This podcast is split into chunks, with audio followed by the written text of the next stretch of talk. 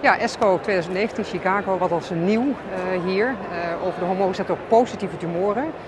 Ik denk dat het mooi was dat in de adjuvant setting de hele grote ATOM trial, uh, waarbij gekeken is van 5 jaar versus 10 jaar tamoxifen, of er te voorspellen is wie de baat heeft van 10 jaar tamoxifen ten opzichte van 5 bij homoreceptor positieve. Daar gebruikten ze een genexpressieprofiel voor 11 genen.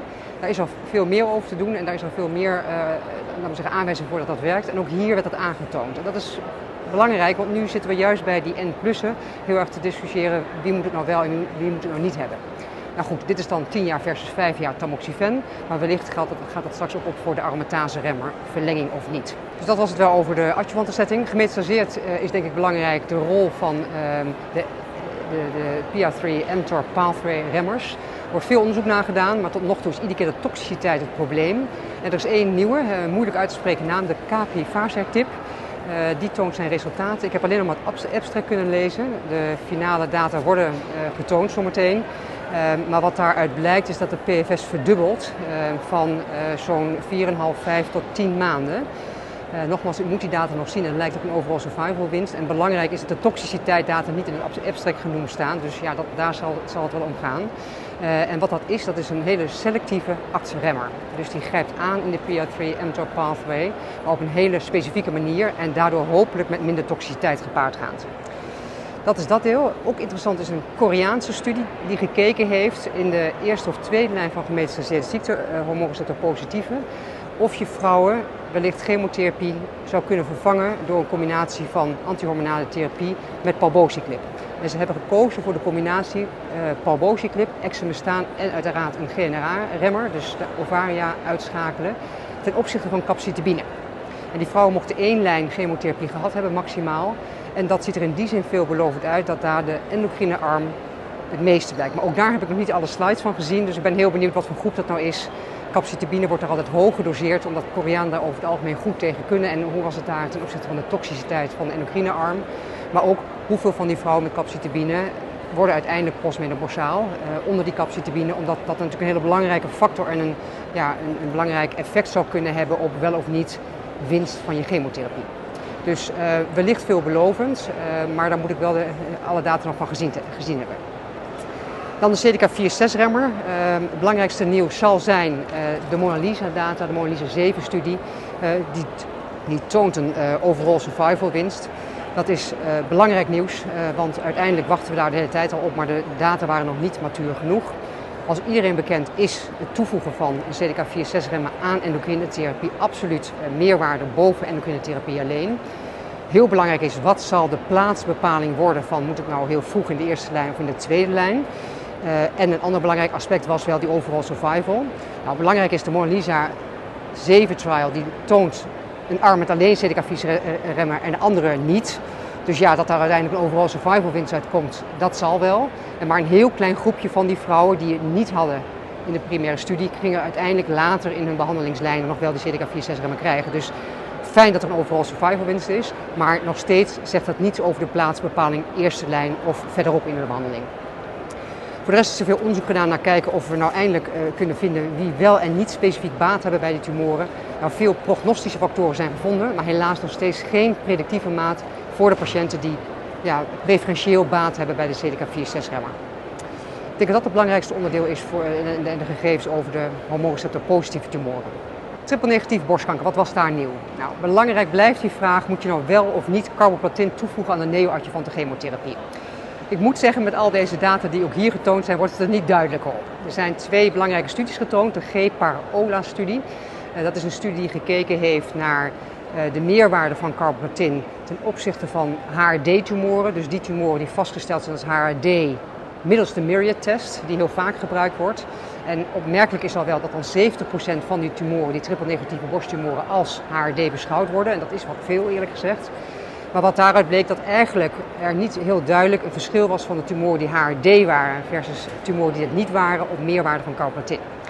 En hetzelfde gold eigenlijk voor de, de studie, um, um, de TBCRG030-studie.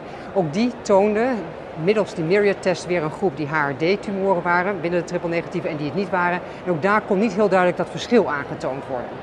De vraag is natuurlijk, wat zegt dat nou precies? Uh, ik moet eerlijk zeggen dat ik zelf al wat langer twijfel heb over die Myriad-test. Of die wel eens niet te veel tumoren aanwijst als zijnde HRD. En dan zou je het effect dus verdunnen, doordat je gewoon te veel mensen als HRD beschouwt die HRP zijn, zoals we dat noemen.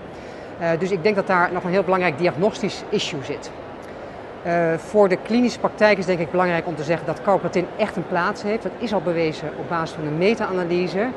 Um, we dachten eigenlijk dat de bewezen BRCA-mutaties, dat die daar bij voorkeur baat bij zouden hebben.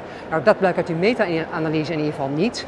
Daar werd op de ESCO heel weinig nieuws over getoond. Maar mijns inziens moet het zo zijn dat in principe triple-negatieve borstkankerpatiënten neoadjuvant in stadium 2 allemaal carbatin toegevoegd krijgen aan hun schema, onafhankelijk van de BRCA-status. En de hamvraag zal nu zijn, kunnen we misschien die anticyclines achterwege laten als we toch al platinum toevoegen aan het schema? Nou, dat is aardig. Er werd een, neo-stop-studie getoond, waarbij gekeken werd naar een studie zoals wij de chemo geven, vier keer docent AC en paclitaxel met carbapetin versus zes kuren docetaxel met carbapetin. En daar is gekeken van ja, hoe verhouden die twee zich ten opzichte van elkaar. Het goede nieuws was dat die eigenlijk grosso modo hetzelfde resultaat toonden. En dat lijkt erop dat het dus wel, wellicht zo zou kunnen zijn dat je met alleen carboplatin in combinatie met taxane wellicht even goed uit bent bij triple-negatieve borstkankerpatiënten. Het probleem is dat dit nog een fase 2-studie was, dus we moeten echt nog afwachten op een grotere studie, fase 3, die dit aantoont. Het zou mij niks verbazen dat dat uiteindelijk de richting wordt waarin we moeten gaan, dat de antisclines achterwege gelaten kunnen worden met het toevoegen van meer platinum in combinatie met taxane. Dat was het adjuvante en neoadjuvante gedeelte. Uh, moeten we natuurlijk met name kijken naar de immunotherapie. Er werd een update getoond van de Impassion Trial en dan met name de overall survival data. Dat ziet er goed uit. Die laat een overall survival winst zien, maar dan wel specifiek voor die PL1-positieve uh, tumoren, althans in die tumoren die PL1-expressie laten zien op de immuuncellen rondom de tumor. Uh, dat staat er nu. We moesten nog wachten op de mature data. Recent gaven de, de data al wel die, die richting, maar nu is het denk ik ook daadwerkelijk een feit. En zal het denk ik op korte termijn ook daadwerkelijk tot toegang uh, uh, in, de, in de klinische praktijk leiden. Wat werd er meer gedaan? werd gekeken of er nog een andere backbone gebruikt kon worden. Dus in plaats van nab-paclitaxel wellicht capecitabine of gewoon paclitaxel. Dat waren hele kleine data en wie weet was dat enige voordeel voor de capecitabine-arm. En er is gekeken met een backbone van chemotherapie en immunotherapie of je misschien nog een nieuwe targeted therapy zou moeten toevoegen. Het is gekeken met de MEC-remmer en daar lijkt dat daar hele veelbelovende data uitkomen. De toxiciteit neemt natuurlijk ook toe van de MEC-remmer, uh, diarree, huidrash. Maar hele kleine data, maar toch wel weer veelbelovend in die moeilijk te behandelen triple-negatieve borstkankergroep. En wie weet kunnen we dus een grotere groep baat laten hebben van die combinatie van immunotherapie met andere targeted therapy. Grotere data moeten nog afgewacht worden. Ja, en dan nog de HER2-positieve tumoren. Uh, ik denk dat we weer opsplit voor neoadjuvant, adjuvant versus gemetastaseerd. Belangrijk is bij de neoadjuvante setting kunnen we wellicht deescaleren. De pathologische complete remissie is zo hoog dat we echt moeten kijken of we bepaalde tumoren met minder chemotherapie kunnen behandelen. En wie weet kan TDM1 ingezet worden. De Christina-data hebben al eerder, eerdere resultaten daarvan getoond en vandaag werden er vervolgdata van getoond. Maar ook de Predict werd getoond, een Zweedse studie die ook kijkt naar TDM1 versus een standaard chemotherapie-schema. Ogenschijnlijk leken er verschillen in te zitten omdat de Christine-data eigenlijk negatief leek ten opzichte van de Predict, die eigenlijk een even goede pathologische complete remissie toonde. Maar belangrijk is dat bij de Christine-data de TDM1 in neoadjuvante setting bij 15% van de gevallen ten, tijde van die zes kuren TDM1 neoadjuvant progressie vertoonde. Dat wordt waarschijnlijk voor een deel gecompenseerd omdat die vrouwen nadien adjuvant chemotherapie mochten hebben ten opzichte van de standaardarm.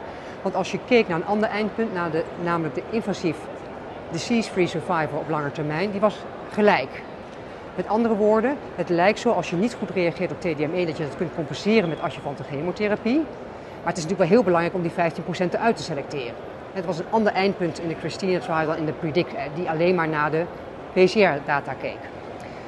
Misschien is er een oplossing gevonden door data die ook getoond werden over de heterogeniciteit binnen de HER2-positieve tumoren. Als je naar de PA kijkt, dan zie je sommige tumoren die toch een ander HER2-expressiepatroon hebben dan die dat helemaal homogeen tot expressie brengen. Er werd gekeken of die heterogeniciteit op basis van de PA wellicht voorspellen was, een negatieve voorspeller voor het krijgen van een PCR op TDM1. Dat bleek inderdaad het geval. Die tumoren die heterogeniciteit tonen, en dat was ongeveer 10% van de gevallen, die toonden geen PCR op TDM1. ten opzichte van ongeveer 50% van de gevallen die een homogeen beeld tonen van die HER2-expressie. Dus wie weet is dat een goede opmaat om die tumor te selecteren die je geen TDM1 zou moeten geven. Nou goed, dit zijn drie verschillende data die samengevoegd moeten worden om daar het beste van te maken. Dus ik denk dat op enige termijn er wel een TDM1 plek zal zijn. En dan denk ik gecombineerd met pertuzumab. Maar vooralsnog is niet precies duidelijk welke groep dat zou moeten zijn. Dus vooralsnog blijft de standaardbehandeling zoals die is. Dan een gemetastaseerde setting, HER2 positief. Um, er zijn twee interessante nieuwe middelen. Margetuximab, dat is een um, HER2 aangrijpend uh, antibody. En die is selectiever, die heeft een hogere affiniteit dan trastuzumab. Althans preklinisch. Maar dat lijkt nu ook klinisch het geval te zijn. Er werd een, um, een kleine fase 2 studie getoond waarbij er een beperkte winst was van progressievrije overleving van slechts uh, één maand ten opzichte van trastuzumab.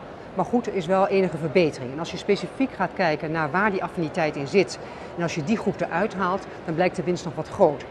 Dus het is niet een baandoorbrekend nieuw medicament, maar ten opzichte van trastuzumab lijkt het toch meer waarde te hebben, zeker in een uitgebreide voorbehandelde groep. Maar nog veel interessanter was pirotinib. Dat is een uh, pan-ERB-receptor, tyrosinekinase remmer. Dus het grijpt intracellulair aan. En de gedachte is omdat dat uh, meerdere ERB-receptoren aanvalt, dat het wellicht effectiever is.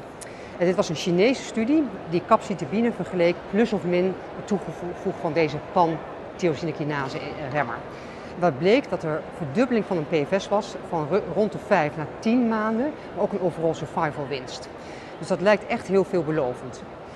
Toxiciteit nam toe, de handvoetsyndroom nam toe eh, en ook de diarree-component nam toe. Dat kennen we van de tyrosinekinase-remmers die aangrijpen op de ERB2 in ieder geval en ERB1. Um, dus de vraag is een heel klein beetje hoe uitgebreid die toxiciteit is, maar met een verdubbeling van de PFS denk ik dat het heel veelbelovend is. En een andere belangrijke vraag is, het is in een Chinese populatie waarvan we over het algemeen weten dat we de capcitabine heel hoog kunnen doseren. Dus ook daar is de vraag nog van de uitgebreide data die nu nog niet getoond werden, hoe dat precies zit. Of dat ook een capcitabine dosering is die haalbaar is in de Nederlandse populatie. Maar ik denk dat dit, dit medicament nou echt heel veel gaan horen.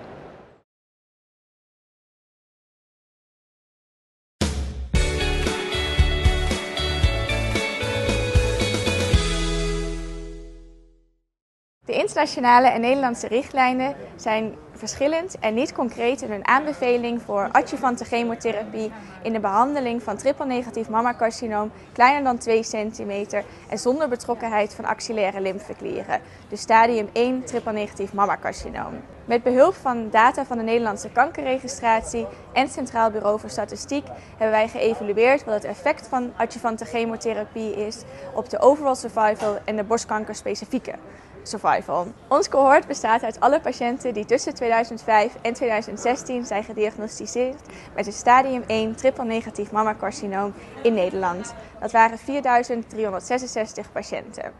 284 patiënten hadden een T1A-tumor, 923 patiënten hadden een T1B-tumor en 3159 patiënten hadden een T1C-tumor. Van deze patiënten werd ongeveer de helft, 53%, behandeld met adjuvante chemotherapie. Het gebruik van chemotherapie was stabiel over de jaren en varieerde per ziekenhuis. Eh, jonge patiënten, patiënten met een T1C-tumor en een, of een G3-tumor kregen vaker adjuvante chemotherapie. Met een mediane follow-up van 7 jaar en na correctie voor leeftijd, tumorgrootte, graad, geïsoleerde tumorcellen in de lymfeklieren en een lokale behandeling van de borst, zagen we dat de patiënten die behandeld zijn met adjuvante chemotherapie een derde betere overleving hadden dan patiënten die niet zijn behandeld met adjuvante chemotherapie. Wat resulteert in een hazard ratio van 0,60. Dit zagen we voor zowel de overall survival als de borstkanker-specifieke survival. Als we de subgroepen uitsplitsen op basis van tumorgrootte en graad, was het effect het sterkst in patiënten die een graad 3 T1C tumor hadden.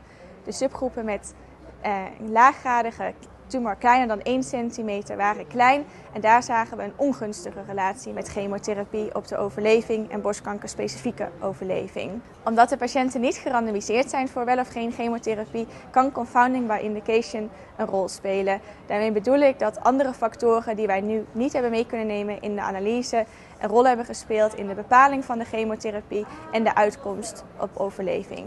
Onze analyse was de grootste cohortanalyse naar adjuvante chemotherapie in stadium 1 triple-negatieve mammacarcinomen. En onze data ondersteunen het gebruik van adjuvante chemotherapie in graad 3 T1C-tumoren.